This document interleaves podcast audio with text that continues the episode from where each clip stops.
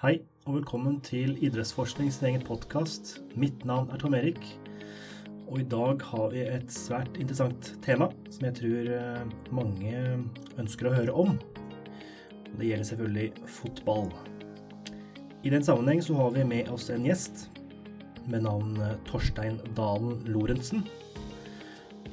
Torstein han er doktorgradsstipendiat ved NIH, der han studerer, eller hans doktorat går ut på å lage et verktøy for belastningsstyring som kan redusere helseproblemer i fotball. Hans tidligere erfaringer er fra bl.a. Eh, både fotball, håndball og alpint, der han har vært fysisk trener. Og hans siste jobb var fysisk trener for Strømsgodset. Tema i den sammenheng kommer til å omhandle hvordan det er å være fysisk trener i fotball, hva doktoraten går ut på, og om hvilke tips han ønsker å gi til fotballspillere fotball og fotballtrenere der ute. I tillegg kommer vi til å snakke litt om begrepet, eller eh, metodikken, eh, acute chronic workload ratio, som er et slags eh, belastningsverktøy for å styre belastningen og se om en spiller er innenfor eller utenfor risiko for skade. Dette begrepet har det vært en del uenighet om, eh, både i akademia og på Twitter. Og det blir spennende å høre hva Torstein syns om det. Og med det så ønsker vi deg en god lytting. Velkommen, Torstein, til vår podkast. Hyggelig at du kunne være med oss. Hvordan går det med deg? Takk. Takk for invitasjonen. Med meg går det meget bra. Enn med dere? Vi eh, sitter nå her, vi, så vi lever. Vi lever. Um, I tradisjonstro så ønsker vi å vite litt om deg. Uh, for å tease lytterne litt, så er du en doktorgradsstipendiat i idrettsmedisin ved Senter for idrettsskadeforskning ved Institutt for idrettsmedisinske fag ved Norges idrettshøgskole. Kort sagt så er du vel en doktorgradsstipendiat på NIH, eh, kort sagt. Er, er, ikke det rett? Eh, I tillegg så har du ja, egentlig ganske en bred bakgrunn innenfor, uh, innenfor, det å være trener i ulike idretter og lag, bl.a. fra håndball, fotball og uh, alpint, så vidt jeg kunne lese på internettet. Mm. Uh, men istedenfor at jeg skal sitte her og prate om deg, så kan du prate om deg sjøl. Så hvis du kan fortelle oss litt om din utdanning, forrige og nåværende jobb, og forskning du har drevet med og driver med. Ja, du har jo vært innom stort sett eh, det som er verdt å nevne, kanskje, da, men jeg har i hvert fall eh, vært her på idrettshøyskolen i ganske mange år. Jeg tok først en bachelor i idrettsbiologi og så en master i idrettsfysiologi. Det var i 2014 jeg var ferdig med det. I etterkant så har jeg jobba med litt forskjellig, som du nevnte. Jeg bodde et år i Tyskland, jobba eh, eh, på fulltid med, med damehåndball i Bundesliga der. Kom tilbake og jobba to år fulltid på alpinlandslaget, bl.a. med rehabiliteringa til Aksel Lund Svindal etter andre korsbånd i Kitzbühel. Eh, ja, så ja, egentlig hele tida mens jeg har studert og bare med et lite øyeblikks um, stopp der jeg var i Tyskland, så har jeg også vært i Røa i toppserien som først fysisk trener og så assistenttrener. Jeg var vel der totalt i fire år. Um, og litt yngre landslag på damesida, egentlig alle. Uh, før jeg da uh, for tre år siden starta her på idrettshøyskolen og uh, samtidig begynte i Strømsgodset som fysisk trener. Så det er vel egentlig en veldig kort uh, historisk uh, gjennomgang. Uh, og bare for å ta det med en gang, grunnen til at jeg starta i to nye jobber samtidig, var egentlig, egentlig en litt tilfeldighet. Fordi jeg alltid tenkt at å jobbe i Eliteserien på fulltid hadde vært, har vært målet, helt siden jeg begynte å studere. For det er det som har vært hovedinteressen. så har jeg også vært veldig interessert i forskning og kunne tenke meg å fordype meg mer i det. Så vi sendte inn en eh, prosjektsøknad samtidig mens jeg jobba på alpinlandslaget og Røa, på et altså en åpne midler som du søker på å konkurrere med så og så mange andre om å få midler til et doktorgradsprosjekt. Og så mm. tok det utrolig lang tid for å få svar på det. Og egentlig dagen før vi fikk svar på det, så måtte jeg gi svar til Strømsgodset, som da, da har fått et jobbtilbud fra, i, i, i, mellomtida. Så da endte jeg med å takke ja til Strømsgodset, og så dagen etter så viste det seg at vi også har fått midler. Og da fant vi en god løsning til å kombinere det. Så det er det jeg egentlig har gjort nå i de siste, siste tre årene. Riktig. Men nå er det fullt fokus på doktorgraden, så vidt jeg har skjønt? Ja, nå er det fullt fokus på doktorgraden. Um, og i tillegg litt, litt jobb for, uh, for, landslaget. Og så uh, mer fritid og litt mer trening, egentrening og litt mer familie. Så det er bra. Ja. Er det herrelandslaget det er snakk om, og uh, altså toppnivået? Top, ja. Ja, riktig. Med både alpin og håndball og fotballbakgrunn Eh, så blir jo din erfaringsportefølje ganske bred.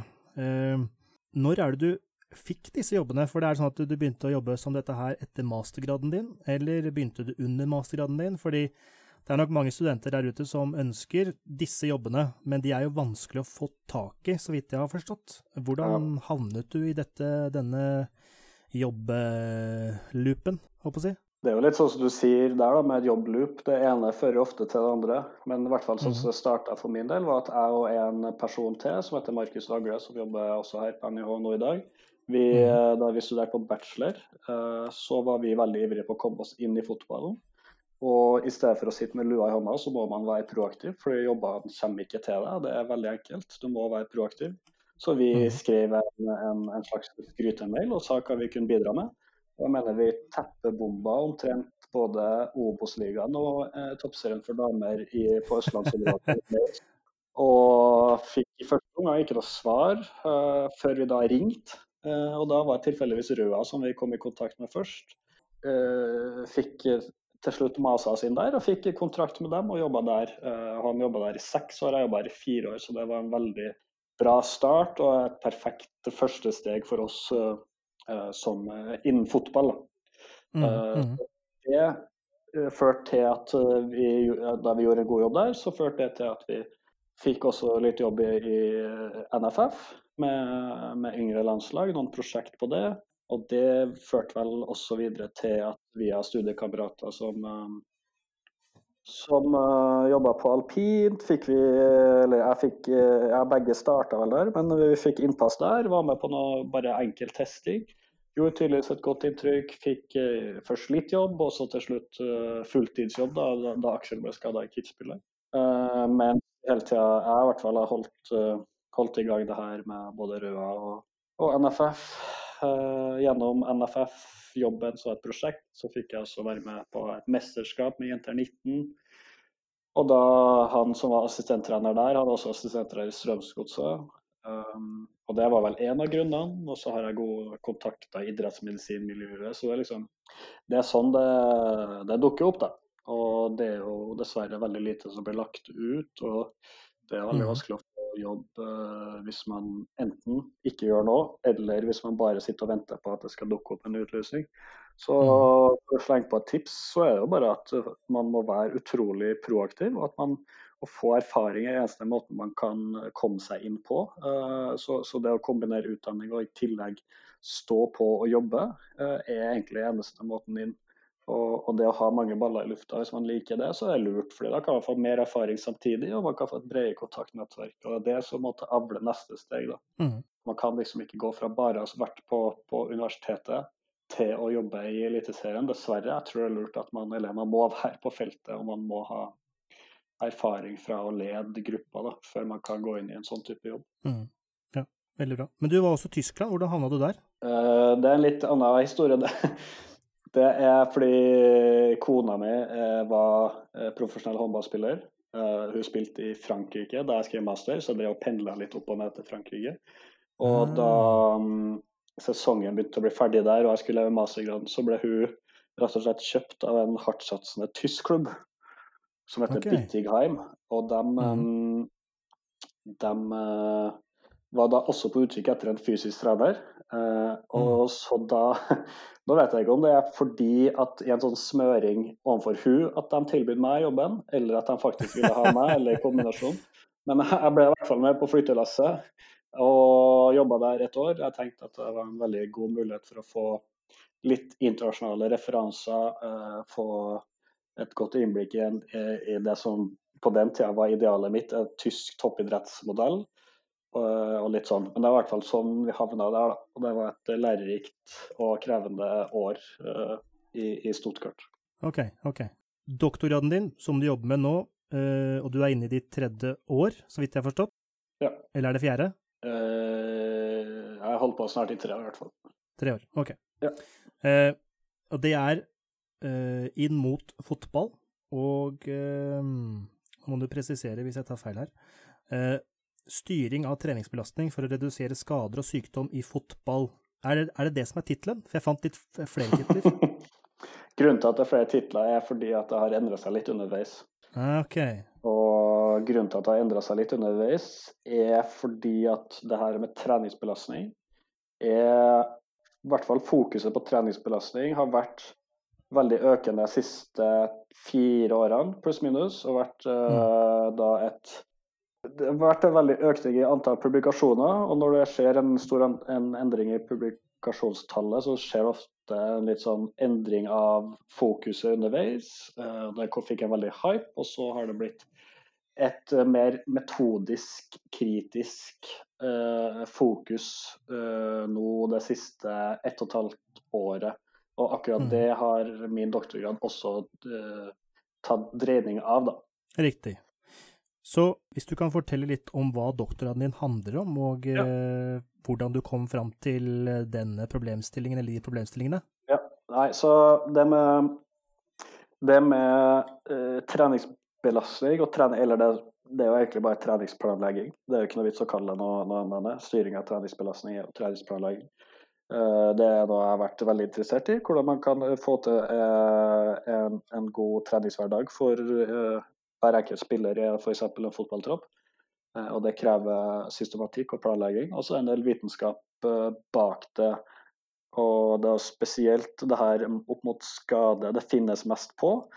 Og grunnen til mm. det er veldig enkelt. Det er fordi at det er veldig vanskelig å forske på fotballprestasjon. Eh, det er for mange faktorer som, som spiller inn på spesielt et resultat, og det er jeg skal ikke si mm. umulig, men det er veldig vanskelig. Mens med skade så er det lettere ikke lett, men lettere, fordi at der har man uh, tydelige utfallsmål, selv om det også kan diskuteres. Men det skjer i hvert fall ofte. Det skjer jo en del skader i løpet av en sesong, og da har man i hvert fall en, et, uh, et, tidspunkt der et utfallsmål har skjedd, og det kan man bruke for å forske på. Da.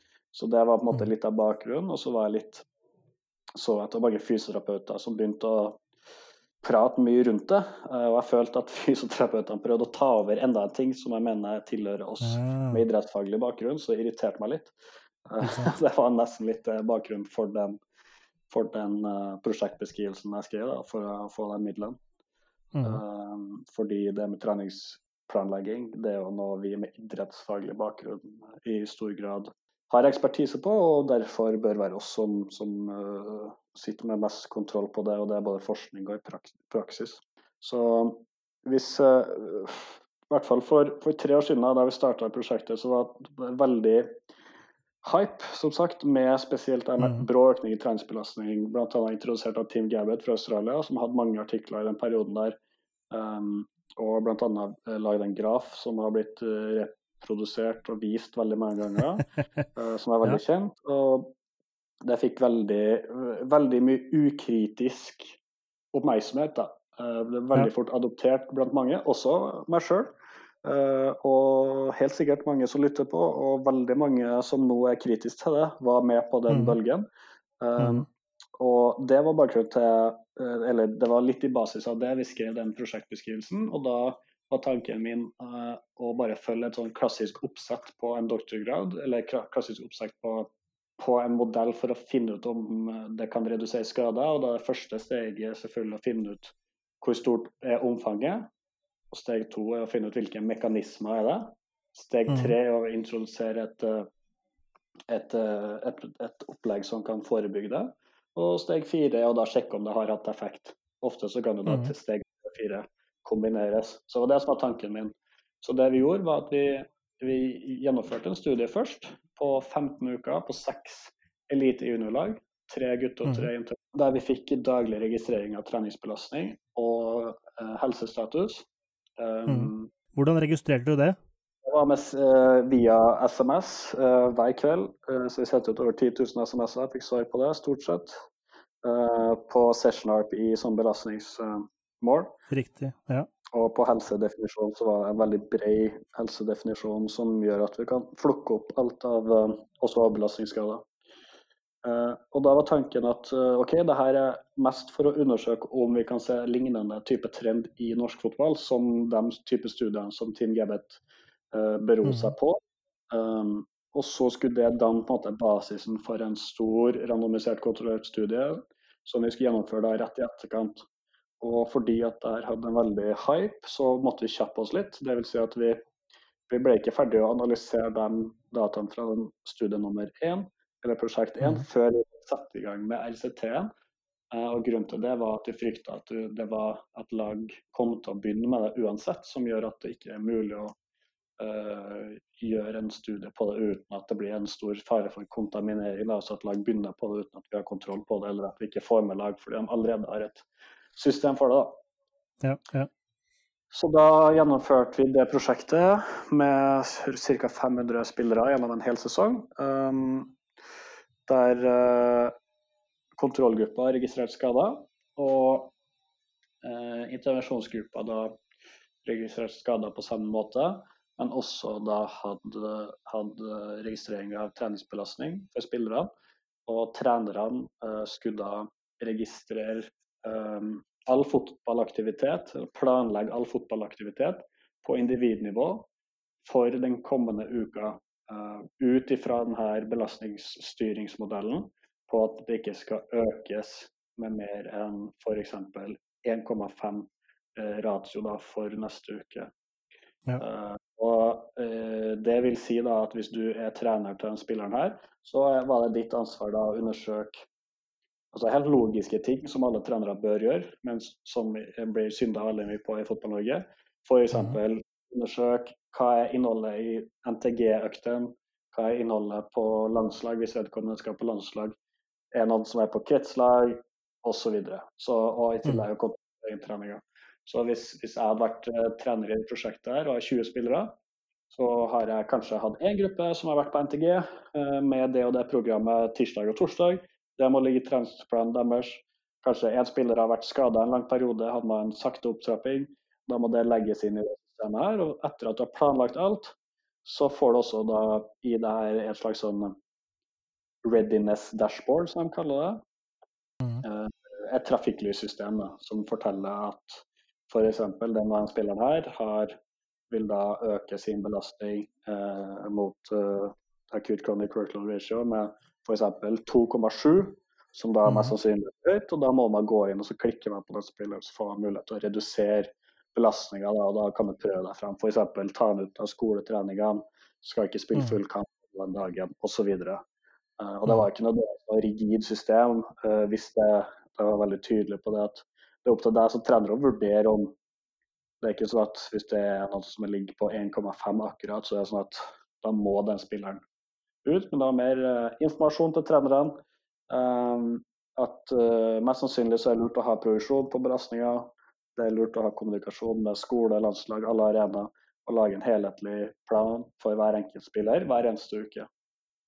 Og det intervensjonen gikk ut på. Uh, ja, så I etterkant av den um, ICT-en som vi fortsatt ikke har, uh, har, publisert eller har skrevet 100% ferdig, det kommer mest sannsynlig nå snart, så har jeg i stedet fokusert på dataene fra prosjekt nummer én. Da, Uh, og i mellomtida her så har det gått et og et halvt år, og litteraturen har skifta veldig til et mer metodisk, kritisk syn på det her med treningsbelastning. Og jeg sjøl mhm. har blitt veldig kritisk til studiene sin metodikk og statistikk uh, i de her originalstudiene som har vist en sammenheng mellom brå økning i treningsbelastning og skadesykdom. Så det vi har gjort nå, um, og vi fikk akseptert i jula i BDSM, en artikkel der vi viser at hvordan du regner ut uh, ratioen, for den kan regnes ut på veldig, veldig mange måter. Det i seg sjøl okay. um, påvirker resultatene uforholdsmessig mye. Uh, og det er ingen studier av de 46 originalstudiene som finnes nå uh, i ballidrett, som har brukt akkurat samme metode. Og Oi. mest sannsynlig så er, så er, grunnen til det, tror vi, da, at man velger metode ut ifra hvilke analyser som er signifikant. Så det vi har gjort, er at vi har analysert 216 forskjellige analyser på det samme datasettet, og fått 216 forskjellige svar uh, ut ifra hvilken metode vi har valgt. Uh, er det stor spredning også? Ja, det er ekstrem spredning. Uh, så det er veldig vanskelig å stole på mye av studien som er der nå. I hvert fall der jeg er i hodet mitt akkurat nå. Riktig. Og den dere fikk akseptert før jul, eh, kan du si noe om resultatene i den studien? Resultatene er at resultatene i en studie er avhengig av hvilken metode du velger. Og det er jo i utgangspunktet veldig dumt. Mm, mm, mm. Riktig, riktig. Så man må velge hvilke, metode, hvilke metoder man skal bruke i forkant, og så må man gjøre studiet, og så må man analysere den, og så, får, og så må man gi et riktig bilde av det, i stedet for at man velger metode i etterkant, som jeg mistenker mange gjør, og i tillegg til at man eh, ikke er helt transparent på hvor mange analyser man har gjort, osv. Så, mm. så eh, din doktorgrad har kanskje eh, vendt litt eh, vekk fra den tradisjonelle formen til et mer kritisk blikk på et uh, verktøy, kan ja. man si det sånn? Ja, det kan ja. man si. For det er jo uh, for de som har fulgt med på Twitter, så har det jo vært en ganske ja, sterk uenighet, der det er visse aktører på Twitter som eh, Du har nevnt eh, Team Gabbett, som på en måte er gudfaren for dette acute chronic workload. Ja. Og der det er folk i denne bransjen som er uenige. Og du sier jo selv at du har blitt mer og mer kritisk til dette her. Du har sikkert fått med deg denne eh, debatten? Ja. ja. Tenker, du, tenker, du, at denne debatten er eh, hva, Eller hva tenker du om denne debatten, egentlig? Jeg tenker er sunt at man har en, eh, man har en kritisk uh, diskusjon, eller en konstruktiv diskusjon rundt det. Det er jo det forskning handler om, eller vitenskap handler om. At man prøver konsepter og ser om det, om det tåler, uh, tåler å bli testa eller ikke. Uh, og det er jeg er usikker på om det konseptet her har tålt. Det som er litt synd, er at det foregår på Twitter, men en av grunnene til det er jo at blant annet Franco Impeliseri, som er kanskje den andre parten hvis vi skal, si på, hvis vi skal prøve å sette opp mot hverandre, sliter med å få akseptert artiklenes side i BGSM eh, ah. om det kritiske, eh, bl.a. fordi han også skylder litt på BGSM, da, som er den viktigste journalen i idrettsmedisin, eh, for å ha backa denne eh, teorien i for stor grad. Og okay. da det blitt et eller annet politisk uh, uklarheter mellom flere som gjør at det da har blitt litt på Twitter i stedet for i, i, i journalform, som er synd. Uh, og så er det viktig at man holder seg til sak i større grad enn en person. Da. Men utover det så syns jeg det er bra at det er en kritisk diskusjon. Mm. Og før, på, før, vi gikk på lufta, så sa de også at du skulle på et uh, husker, ja, praksisbesøk, eller praksisinternship. Jeg husker ikke helt hva det heter på norsk, men uh, hos uh, Franco, stemmer ikke det? ja, altså jeg skal på utveksling til Australia. Utveksling var det. for han jobber nå i Sydney.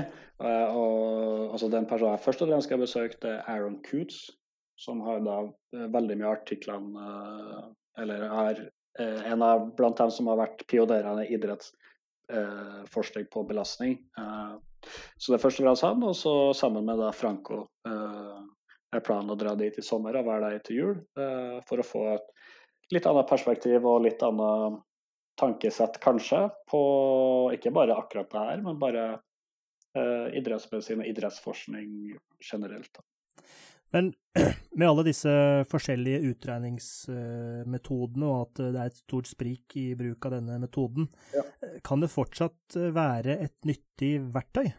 Ja, det syns jeg, fordi det er, det er fortsatt et mål på progresjon. Det må vi ikke glemme. Uh, og mm. hvis du tenker på både skade og, syk, både skade, sykdom og prestasjon, så tror jeg jo at uh, vi må ikke gå tilbake til første klasse på, på, på Sogndal med treningslære. Det er jo fortsatt de gode, gamle treningsprinsippene som gjelder, og det er jo egentlig bare en operasjonalisering av progresjonsprinsippet, denne mm. ratioen. Og den har jeg mm. fortsatt veldig trua på, altså progresjonsprinsippet. Og rasjonalet bak det er jo egentlig bare at hvis du gjør ting for fort, så vil du ikke kunne tilpasse deg. Og det er jo et biologisk rasjonale, så det er jo fint. Eh, I tillegg så er det jo Hvis du gir tid til tilpasning, så vil jo du da hele tida klare å ha en positiv adaptasjon, og det er jo bra.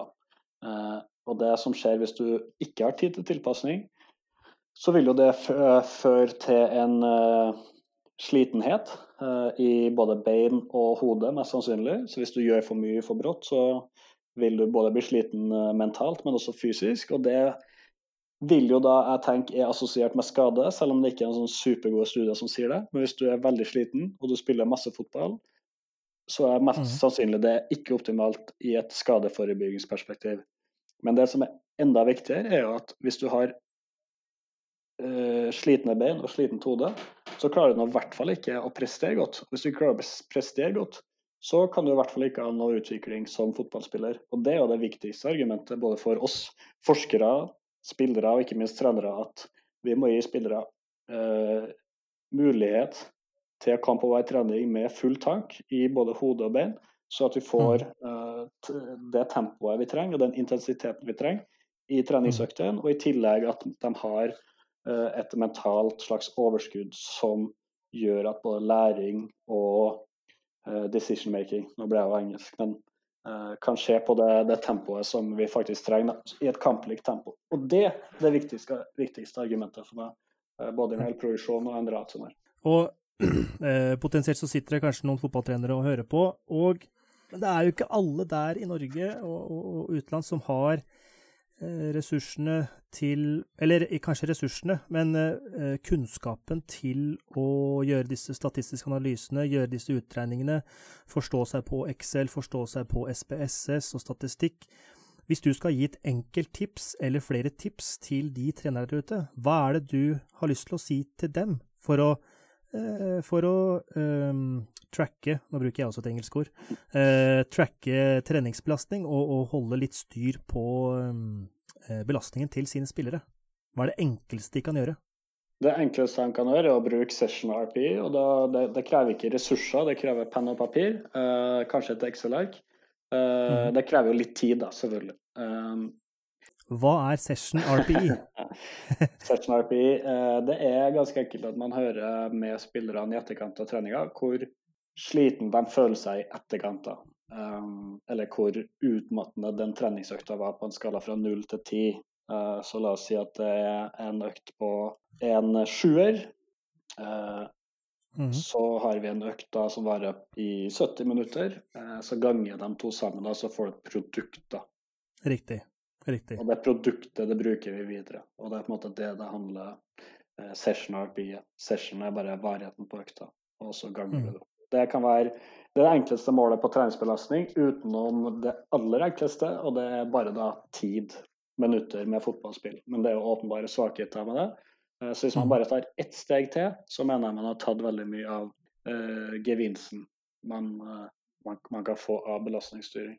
Så hvis man har mm. kontroll på den, session RPI, uh, gjennom hver eneste fotballtreningsøkt, så har man et veldig godt grunnlag da, for, å kunne, for, å kunne, ha god treningsplanlegging. Uh, ja. Og da kan man godt bruke Jeg, jeg vil absolutt støtte å bruke uh, acute conduct workload ratio til å se progresjon fra gjennom f.eks. en oppstart. Det er jo annet akkurat nå en oppstartsuke for mange eliteserielag. Og ved å da ha denne ratioen som en av mange um, argumenter i en diskusjon på hvor mye man skal gjøre, det tror jeg er veldig nyttig.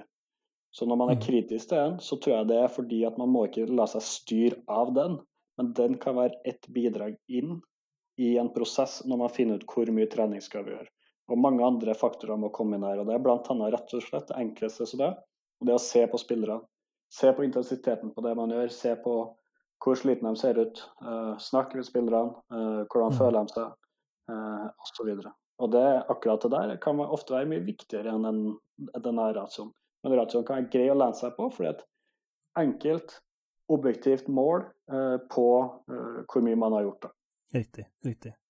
Så det objektive sammen med det subjektive er viktig i jobbing med ja. idrett og idrettsutøver, egentlig? Ja, det er vel strengt tatt ikke et objektivt mål. Uh, vel... Nei, nei, men du, får, du, får, et tall, og det er kanskje litt mer objektivt enn ja. en et, et, intervju eller en dialog, da. Riktig. Så, så det, det, er en subjektiv vurdering fra spillerne, men når du bruker gjennomsnittet av det og sammenligner med uh, veldig subjektive ting for deg sjøl, sånn som når du mm. ser på, uh, så blir det i hvert fall mer objektivt. Objektive mål på treningsbelastning, det er jo kun de Eh, de, de, eksterne målene da, som er rett og slett hvor mye spilleren faktisk har gjort. og Da må du nok inn på, på mer avanserte verktøy som f.eks. Uh, eh, GPS og akserometer, som også er et fint mål på treningsplassen. Yeah. I've uh, I'll move some anecdotes from England which might be interesting to hear thoughts on subjective measures. So I'm just going to share a couple. The first one is like what I experienced firsthand with trying to do RPE, and what I found was with younger athletes, it's very difficult to get a valid measure because, well, for two things. Basically, what I found was when you ask for RPE, they pretty much just assessed the last activity that they did. So if it's a 90 minute session, I was finding that I was pretty much basing it on the last 10 minutes, whether that's hard or easy. Mm-hmm. Remember, second thing with the cohorts I've actually worked with was very often the first question would be, "Oh, well, what did?" And they'd probably name their best mate. What did they say it was? it's yeah. like that's irrelevant. It's about how you feel. Mm. And then another thing is, uh, not I. I've not worked with these players, but a story I've heard from a colleague was um, a team in I don't really want to give details away, but a semi-professional team in pre-season. It's the first time they'd started using subjective measures RPA, and basically they was using that to inform training. And the story was the the captain was like, "What are we're going to do? Training is really hard." And they basically got together in the change room and said, "Right, we need to say that this session's really uh, hard. We need to say this session's really easy." Hmm. Blah blah blah. And basically, what they did was decide as a team to say when a session was quite easy, but it was a 10 on an RP scale of 1 to 10, so we could do it more often. Wow. Yeah, yeah. So I, I don't know, like, if you've experienced that or what your thoughts are on those kind of things when we go from the research now to the real world. It's like, I find it hilarious because I'm like, I really understand or really see the value of subjective measures on paper, and sometimes re- the real world, it's just like a complete joke, if that makes sense. I don't know what your thoughts are on this. Nei, altså Det viktigste er at du, du må være veldig tydelig i, i, i møte med spillerne første gangen på å sette uh, skalaen i kontekst. At den økta er så og så mye Altså, en tier, det skal være en maksimal kamp. Da klarer du nesten ingenting etterpå. Uh, sånne type mm. ting å sette, liksom, uh, sette litt i kontekst. det andre er at du må gjøre det de må gjøre det på egen hånd, det er veldig viktig, uten at det er noen rundt deg. Og hvis man kan optimalisere måte, innsamlingsmetoden, så tror jeg det er mye lettere. I et lag så kan man enten gå rundt, eller så kan man gjøre det elektronisk.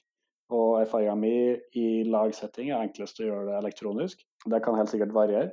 Men uh, når det kommer til det, det laget du snakka om, med at man går inn og systematisk endrer det, så store endringer det tror jeg nok de aller fleste har klart å plukke opp.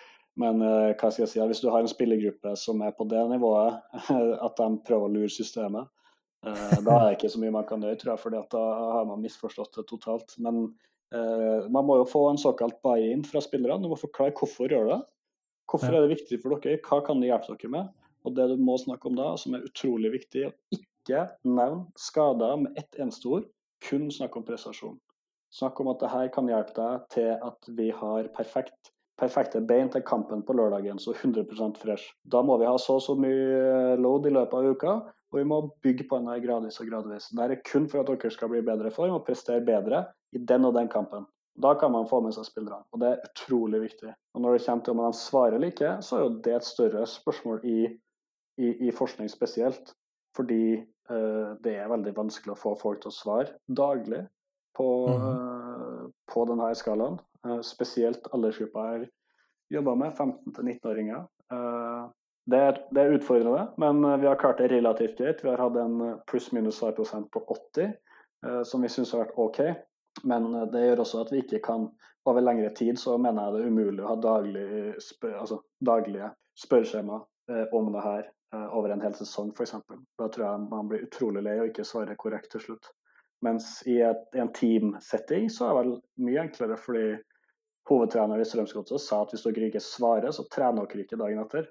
Og det var ganske effektfullt. Uh, uh, også mye bedre enn bøter, som vi hadde tidligere. Så så lenge hovedtrener er med, så er det greit. Ja. What, what's the general buy-in of players that you've worked with over here in terms of like do they see the value of this kind of scientific approach or is it mixed? Does it kind of depend on where you've been, who you've worked with? Ja, det, det varierer. De, de type spillerne som man ser for seg, er som er ivrig å være på, som er på gymmen mange timer ekstra og gjør det lille ekstra hele tida, de er veldig interessert i det her ofte. Spør etter uh, treningsrapport på, fra GPS bl.a. og uh, klager hvis de ikke har fått kamprapporten innen klokka ni dagen etter. sånne type ting. De er veldig greie å ha med å gjøre på det. Og så er det enkelte som ikke helt ser nytten. men uh, og, og, man må ha med dem òg, men hvis, hvis de ikke ser nytten i det, så er det litt sånn hva skal vi gjøre, da? Altså, vi, vi, har prøvd. Vi har prøvd å få med alle. Vi har gitt informasjon, vi har gjort det vi kan. Uh, hadde prata med hver enkelt som ikke har svart over tid og sånn. Enkelte, spesielt i Norge, tror jeg på herresida, der er det bare sånn at uh, da, da, går det bare ikke. Men uh, OK, synd for dem. Da får ikke dem den oppfølginga de, de, trenger. De må svare, fordi da, ellers trener de ikke dagen etter. og det vil de unngå. så Akkurat å få dem til å svare greit, om de svarer riktig eller ikke, det er helt umulig å vite. Eh, men hvis de ikke gjør det, så går det utover dem sjøl. Hvis de ikke har lyst til å bli bedre, så kan ikke vi som trenere heller eh, tvinge dem til å bli det. Det må være et, eh, et, et ønske og en forståelse. Det er ikke veldig mye vi krever av fotballspillere, spesielt i Norge. Mm. Så hvis de ikke klarer å gjøre det, og svarer på et spørreskjema som tar ti sekunder en gang om dagen, da er det litt sånn synd trist og leit. Da, mm. da blir det ikke bedre. De må jo ha et eierskap til uh, det de skal uh, drive med. Ja. Uh, at de forstår det sjøl. At, at, det gir en, både en, en, nytteverdi og en, og en, og en egenverdi. absolutt, absolutt. OK, spennende. I ditt tidligere arbeid som fysisk trener i ulike idretter, hva er det du legger mest vekt på i ditt treningsarbeid? Det absolutt viktigste mener jeg at vi får så god trening vi kan eh, på fotballbanen.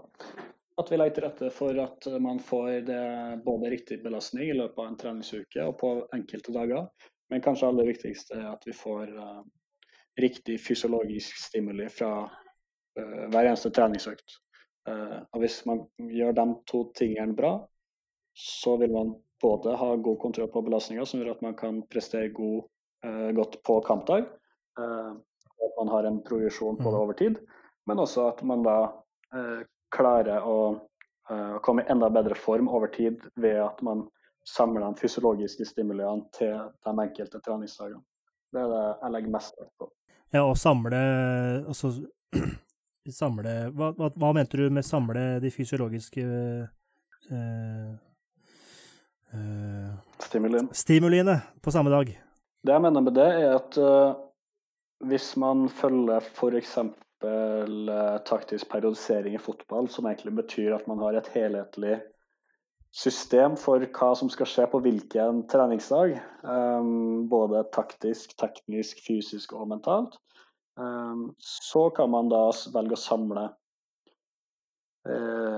enkelte fokusområder den ene dagen og har med fokus på det. og Et eksempel på det er at fire dager før kamp så er det ofte det som kalles en styrkedag, og da er det på en mindre bane. Det er subprinsipper man trener taktisk, som f.eks. én mot én. Enkle tekniske momenter. Mm.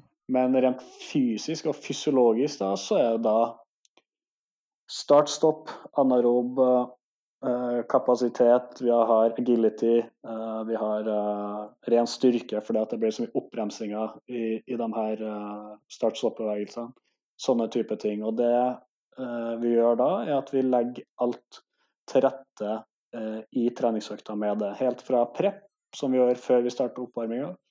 Da har vi fokus på dem og de type musklene. Oppvarminga har fokus på dem og de type bevegelsene. Med en riktig type eh, hva skal jeg si, styring av eh, intensiteten så det passer til neste eh, øvelse. Hvis neste øvelse er med ball, hvis det er f.eks. en pasningsøvelse, så er pasningsøvelsen også påvirka av det fysiske stimuliet vi ønsker fra den treningsøkta, med arbeidslengde, antall spillere i aksjon, pauselengde, hvor lang tid man har med ball, hvor lang tid man spurter osv. Um, og det må også da gå igjen i neste øvelse, som kanskje er en possession. Samme type opplegg der, og til slutt, hvis det er en spilløvelse, samme type opplegg der. Uh, og det jeg tror vi får ut ifra det, er jo bare da ved generelle fysiologiske prinsipper at det er bedre å ha et større stimuli én dag Mm. enn, og et annet stimuli dagen etter enn å ha 50 f.eks. styrke og utholdenhet hvis du går på gymmen nå. Så er det jo da, som vi vet, bedre å ha en ren styrkeøkt sammenlignet med en utholdenhet og styrkeøkt. Og da heller ha utholdenhetsøkta i morgen, og så gjentar det seg senere. Eh, fordi at større fysiologiske stimuli er bedre enn to eh, som er halvparten like stor, men blanda med mange andre ting. Det er mange grunner til biologisk. Ja, ja. Det ble et langt uh, resonnement, men jeg har i hvert fall veldig trua på at man bør dele inn uh, så man jobber på konkrete ting på konkrete dager. Absolutt. Uh, og du er jo nettopp inne på dette med styrke og utholdenhet. Der har det vært uh, en del forskning på hvert fall dette med Eller både styrke og utholdenhet, men i forhold til utholdenhet. Uh, om det skal gjøres med ball, uten ball, på fotballbanen, på mølla. Hva er dine tanker rundt det? Jeg tenker at det absolutt aller meste må gjøres i spilløvelser mm. på banen. Og det mener jeg at vi får mest ut av hvis man igjen samler de fysiologiske stimuliene på riktig måte i løpet av en treningsuke. Ved at man påvirker forskjellige typer bl.a. energisystem på de forskjellige dagene. Mm. Så har man da en optimal måte å trene utholdenhet på i fotball. Uh, og det er helt sikkert at det har en større overføringsgrad enn at man springer utenom på en mølle eller, eller hvor det skal være. Um, og, og arbeidsmåten i fotball kan nesten bare gjøres ved fotballspill. Mm. Så jeg tenker at det er ganske logisk at man må påvirke det gjennom fotballspill, uh, og ikke gjøre det utenom. Selv om, uh, selv om jeg også har tydd til det i enkelte settinger, og de settingene er utelukkende uh, to ting. Og det er hvis man starter sesongen, så f.eks. Strømsgodset skal starte uka her nå, da kan man ikke ha 90 minutter fotball hver eneste dag, fordi at man har ikke belastningsgrunnlag til for at man har ikke spilt nok fotball i løpet av. Og det vi gjør da, er at, eh, eller det vi gjorde, da, det er at man da spiller fotball så lenge man kan. Det vi har predefinert, f.eks. 50 minutter. Mm. Men da har man på en måte ikke trent nok.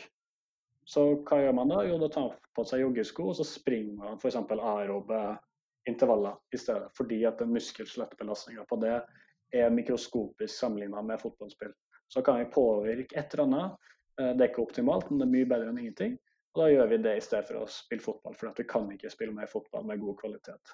Så det er det ene eksempelet. Det andre eksempelet er rett og slett Det blir ikke utholdenhet nødvendigvis, men høye hastigheter er veldig vanskelig å få til i et fotballspill. F.eks. du kan legge til rette banestørrelser, regler, alt mulig for Mm. å få eh, sprint. da. Men det er dessverre veldig vanskelig og utrolig stor variasjon fra spiller til spiller hvor mange sprintmeter man ender opp med etter en fotballøkt. Og Da må man rett og slett ty til løping uten ball, bare for å få de her sprintmeterne. Så I Strømsgodset så hadde vi én dag i uka der man skulle nå så og så mange meter med sprint. Og hvis man ikke nådde det i løpet av fotballspill, som veldig få gjorde, da var det boks-til-boks-løp som avslutta treninga. Enten bare rene bare for å komme opp i maksfart, eh, eller som repetert sprint. Og det er da vanskelig å gjøre med ball. Ja, ja. Fordi eh, på tidlig 2000-tallet og eh, ja, egentlig hele 2000-tallet, eller fra 2000 til 2010, så var det veldig mye fokus på eh, VTMAX, og at fotballspilleren skulle ha en høy VTMAX. Og hadde du en høy VTMAX, så kunne du eh, dekke større deler av banen. Eh, og Rosen, man nevnte jo Rosenborgs eh, snittverdier på om det var 63-64 osv. osv. Men så har kanskje fokuset, i hvert fall i Toldenhet, skiftet litt, eh, litt vekk fra dette med VTMAX og over på dette med evnen til å repetere sprinter. Ja. Hva tenker du om dette fokuset? Og du, du nevnte jo repeterte sprinter. Er det slik at du jobber med utholdenhet i form av repeterte sprinter, eller har du mer lengre intervaller for å påvirke hjertemuskulaturen i større grad, eller hvordan legger du dette opp? Jeg tror norsk fotball på 90-tallet hadde et uh, feil fokus, og veldig fokus på aerob kapasitet, mm. som vi nå vet ikke er like relevant. Mm. Uh, så hvorfor var vi veldig gode da? Jeg tror ikke det var på grunn av det, jeg tror det var mer på tross av at vi hadde veldig fokus på det. ja. men i tillegg så vet vi at fotballen er utrolig mye hurtigere i dag. Og hvis vi tror at vi har hatt samme utvikling som Premier League, så er jo 3% økning i høyhastighetsløp og sprint i hvert fall i perioden 2006 2013 Og ingen grunn til å tro at det har endra seg. Mm. Så spillet er nok litt annerledes. Det er mye hurtigere i dag. Mye større krav til uh, hurtig forflytning. Uh, og når det skal være mer hurtig forflytning, så blir det da flere repeterte aksjoner. Mm. Og det i seg sjøl er vanskelig å få til i rent fotballspill. Men akkurat det kan også gjøres med ball. Så man kan ha øvelser der man stimulerer det her. Men da må man kanskje være villig til å gå litt på kompromiss med maksfart. Ikke sant. Ikke Men jeg i Strømsgodset har gjort litt begge deler. Prøvd å påvirke gjennom øvelser, rene øvelser med ball. Og vi har også gjort det uten ball, bare, sånn, bare for å toppe opp litt. Eh, når det gjelder hjertetrening, så har jeg veldig lite tro på det mm. eh, uten ball. Og jeg tror vi gjør det mer enn nok i løpet av en treningsuke. Mm. Det er vel også påvist at uh, snitt VO2max på veldig mange spillere er rundt en 60 milliliter og at med smålagsspill eller ja, fotballtreninger, da, så klarer man mm. fint å oppnå det nivået på utholdenhet. Ja, absolutt. Men at det bare er på 60, da, som er kanskje det samme som vi som mosjonister har, er jo et godt argument for at det egentlig ikke er så viktig. ikke sant? Ja, du får snakke, du får snakke om deg sjøl, Torstein. Jeg har ikke 60, det vet jeg veldig godt. okay. ja, jeg skal knuse kompisene mine i sentrumsløpet, skjønner dere. Så nå, nå, som jeg bare har én jobb, så er det plutselig litt tid til oh, ja, OK. Ja, ja, det er elitemosjonist i så fall. 60, Nei, det, det, tror jeg aldri kommer til å få. Det er for seint.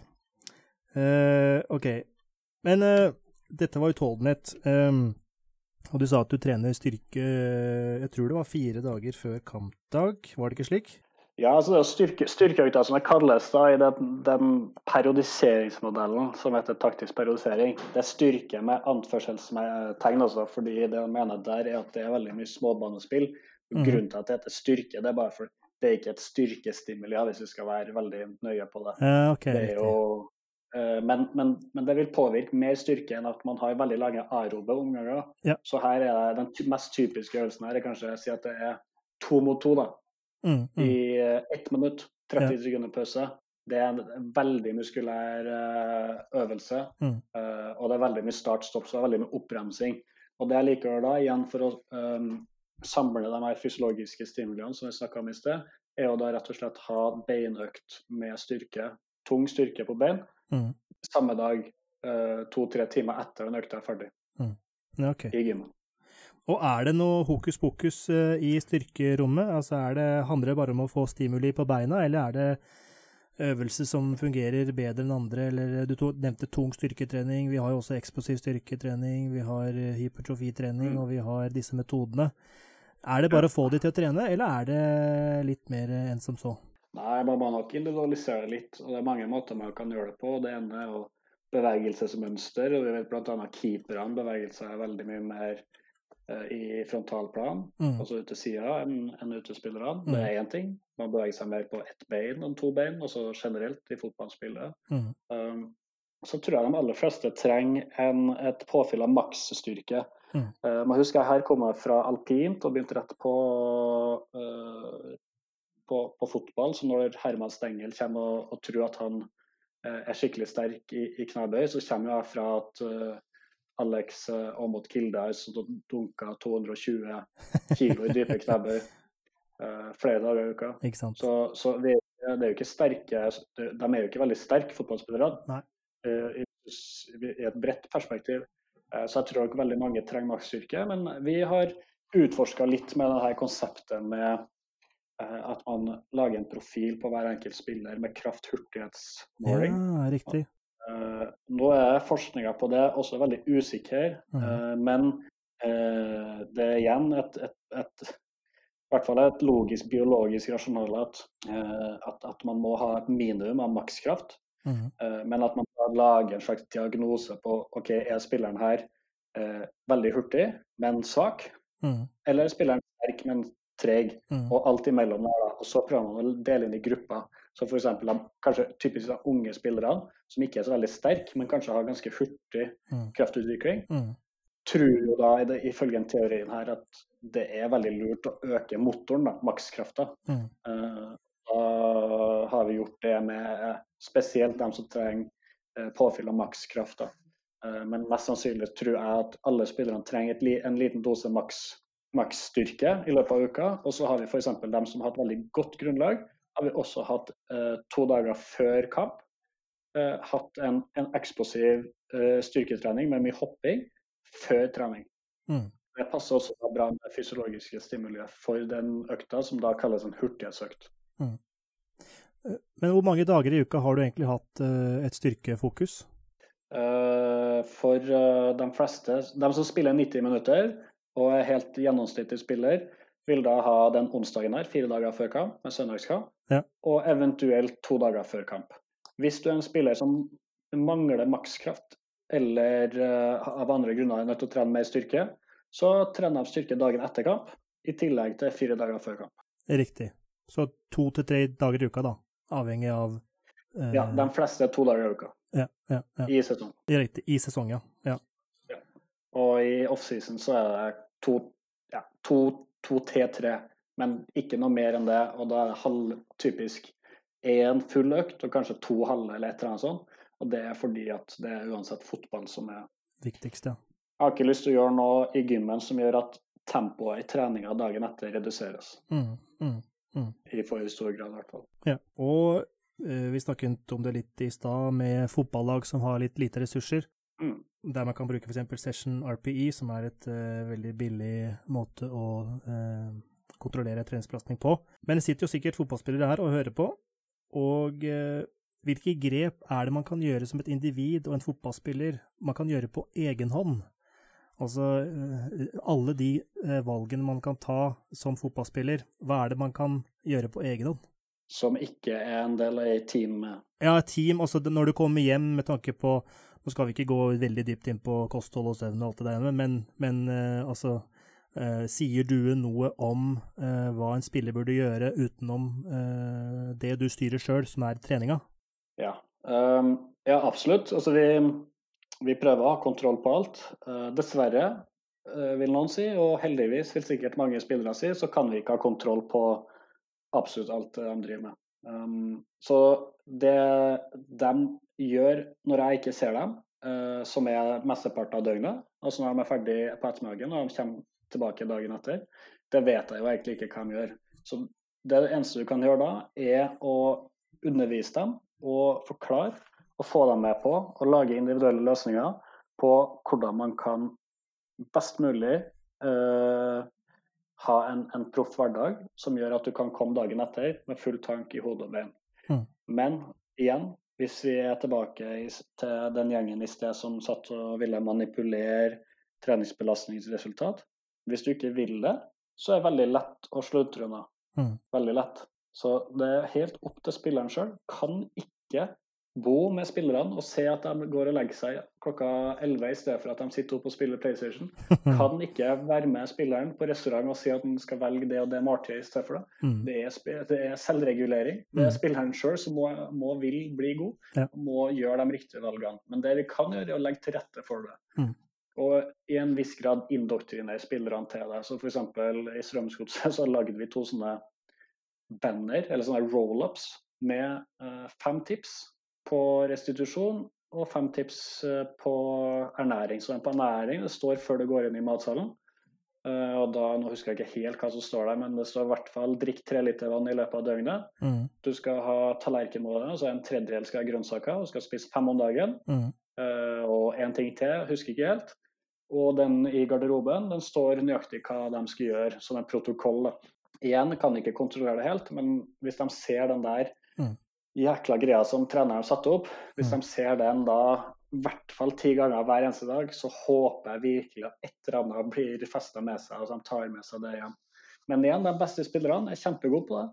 Uh, vi har spillere som har til og med sånne, sånne Det har blitt litt trendy, og det er jo kanskje positivt med sånne briller som blokker ut all eh, belysning, alt Ja. blått lys. De går med fra klokka åtte på kvelden, oh. legger seg tidlig, spiser sammen. Så det er mange som er utrolig flinke på det. wow. Ikke alle, men veldig mange som er flinke på det. Så det er spesielt de yngre oppadstormene tar steg på det der, da. Mm. Så det syns jeg er utrolig bra. Og det er vel mest for å forbedre søvnen?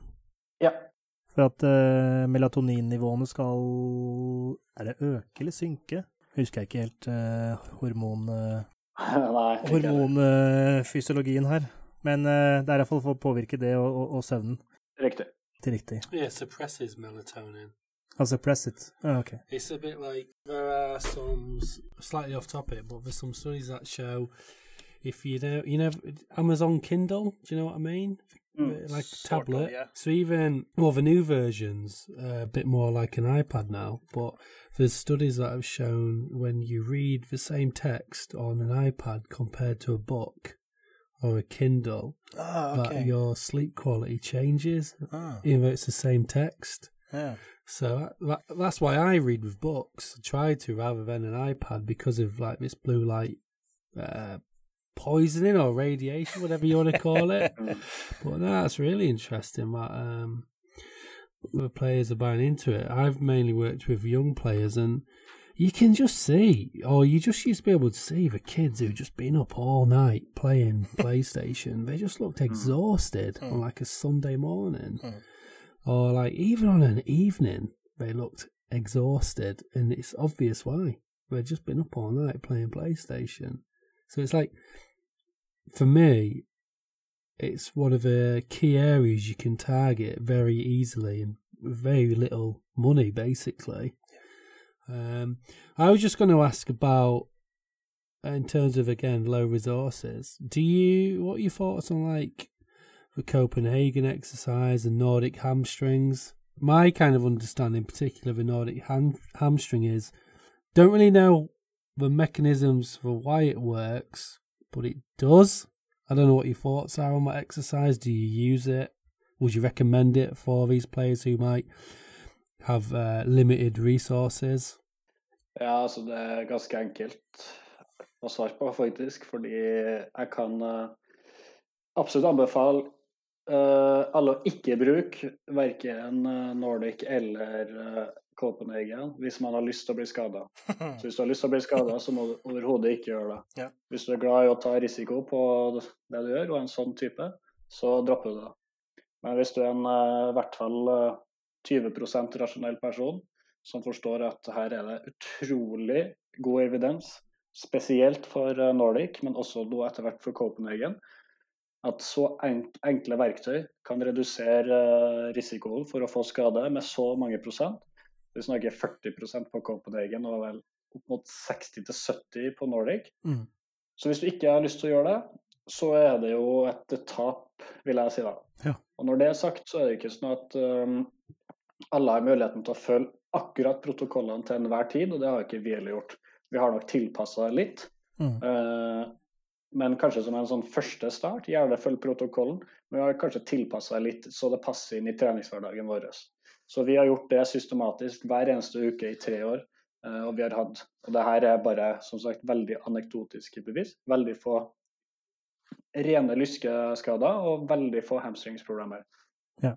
Så det vil jeg veldig sterkt anbefale. Og Hvis dere lurer på hvordan det skal gjøres og hvilken forskning som ligger bak det, så finnes det veldig gode ressurser på skadefri.no, som det er hjemmesida til Senter for idrettsskadeforskning. Is it fascicle length? Is that the mechanism for Nordic hamstrings? It increases fascicle length? Ja, et, et, det er vel to ting. Det er vel uh, fasikkelengde, men også uh, maks eksentrisk kraftutvikling. Og du har vel en kollega ved navn Joar Harøy som har gjort en del på Kebbedegen uh, abductor, abductor exercise? Ja, Eh, sterk lyske kaller vi det nå faktisk på norsk. Ja, OK. Riktig, riktig. Og eh, British, British Journal of Medicine har jo en veldig god infrafikk om den studien, Mm. som, er, eh, som absolutt burde Som er lett å forstå eh, når man skal, eller for å utføre denne øvelsen, og eh, ser da hvor effektfull den er.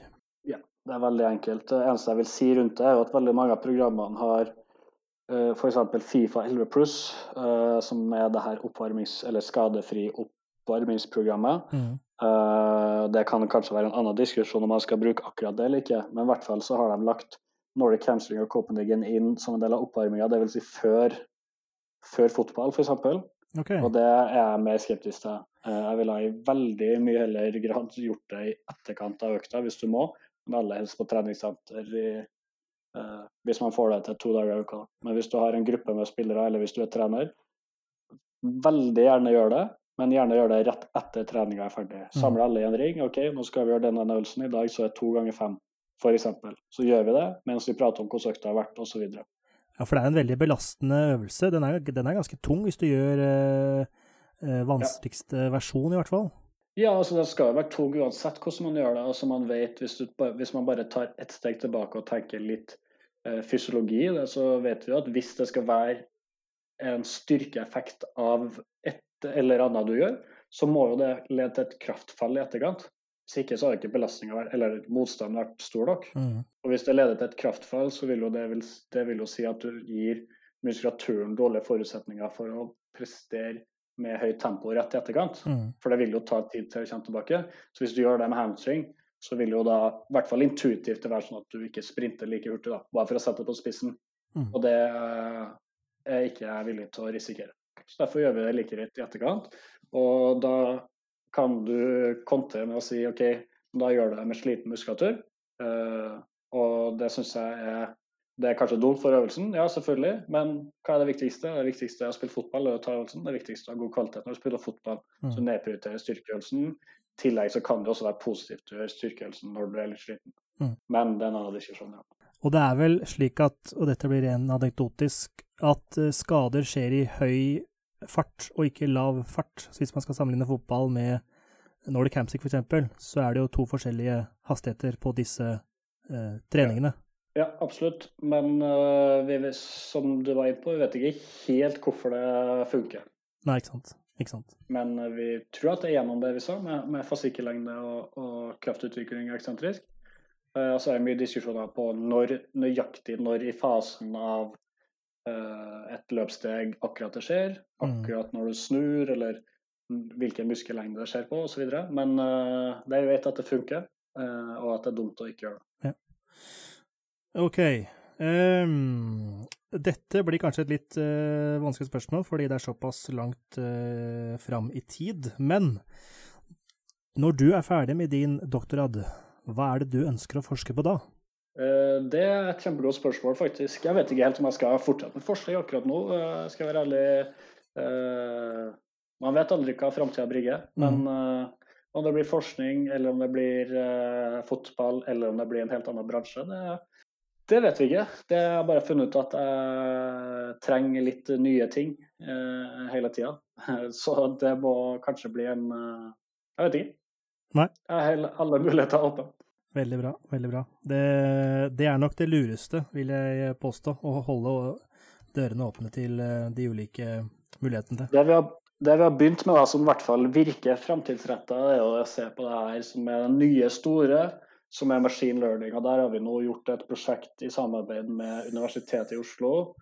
Um, der uh, vi har en masterstudent derfra, to professorer med oss på et, eh, et prosjekt der vi har brukt absolutt all data samla inn fra Strømsgodset i to år mm. både med prestasjon og skada sykdom, for å se på om det her eh, machine learning-programmene kan finne sammenhenger Eh, og eventuelt predikere da, prestasjon og skadesykdom. Eh, det er et sånt prosjekt vi har holdt på med en god stund. fortsatt ingen resultater eller noe vi kan dele her, men det kan jo være noe for framtida at man bygge større datasett, eh, prøve å koble ting i treningsuka opp mot f.eks. prestasjon på banen. Det hadde vært veldig interessant. Ok. ok. Er det noe sånn uh, tidsaspekt på dette prosjektet? Ja, vi har to masterstudenter som skal levere masterprosjektene sine nå i, i, vår. Da, så det blir nok en artikkel om ikke så lenge. Okay. Hvis man er interessert i det, så finnes det faktisk ganske mange artikler nå. Den første var en som ble skrevet på B-laget til Barcelona av alle ting. De faktisk klart å forutsi det i veldig stor grad uten å bomme for mange ganger. Ah. Um, så det kan være et forskningsområde som er på vei, eller det er garantert på vei framover i veldig mange bransjer. Uh, og det er garantert også på vei inn i idrettsmedisin og idrettsforskning generelt. Da, fordi vi kan gjøre så veldig mye mer avansert statistikk. Man kan ha flere faktorer inn, og man kan se på sammenhengen mellom faktorene. Uh, både individuelt og sammen med alt andre. Riktig. Så det kan være noe for fremtiden. Ja. Uh, vi er vel egentlig med veis ende nå, Torstein. Føler du at du har fått sagt det du ønsker å si? Ja, absolutt. Ja. Og hvis folk ønsker å følge deg på ulike sosiale medier, hvor er det man kan finne deg? Nei, jeg er nå på Twitter, da. Ikke superaktiv, men du må gjerne følge meg der. Så skal jeg prøve å plukke det opp litt. Ja, Twitter. Supert. Og du er vel også kanskje på ResearchGate? Ja, og folk må gjerne sende en mail hvis de vil det. Ja, ja absolutt. Eh, og er, på ResearchGate så er det også, kan du følge videre forskningen og eh, mm. Ja, den uh, artikkelen som ble akseptert før jul, blir vel publisert i løpet av neste halvår, mest sannsynlig? Ja. Ja. Ålreit. Da vil jeg takke for deg for at du gadd å bruke tid på oss, eh, Torstein. Jeg har Eller vi har lært veldig mye. Vi har veldig interessant uh, å, å, på en måte høre din uh, bakgrunn, og uh, at du egentlig har lyst til å lære nye ting hele tiden og ønsker å bli utfordra. og at du har såpass god og lang erfaring som du har, og ønsker å nå sette ja, kanskje fokuset ekstra på forskningen. Det, det, er jo forståelig med en totalbelastning med både familie og, og den slags. Uh, så jeg håper at fotballtrenerne, fotballspillerne og eh, den generelle befolkningen har, eh, har fått med seg mye informasjon. Det var det for denne gang. Takk for at du hørte på. Vi høres om litt.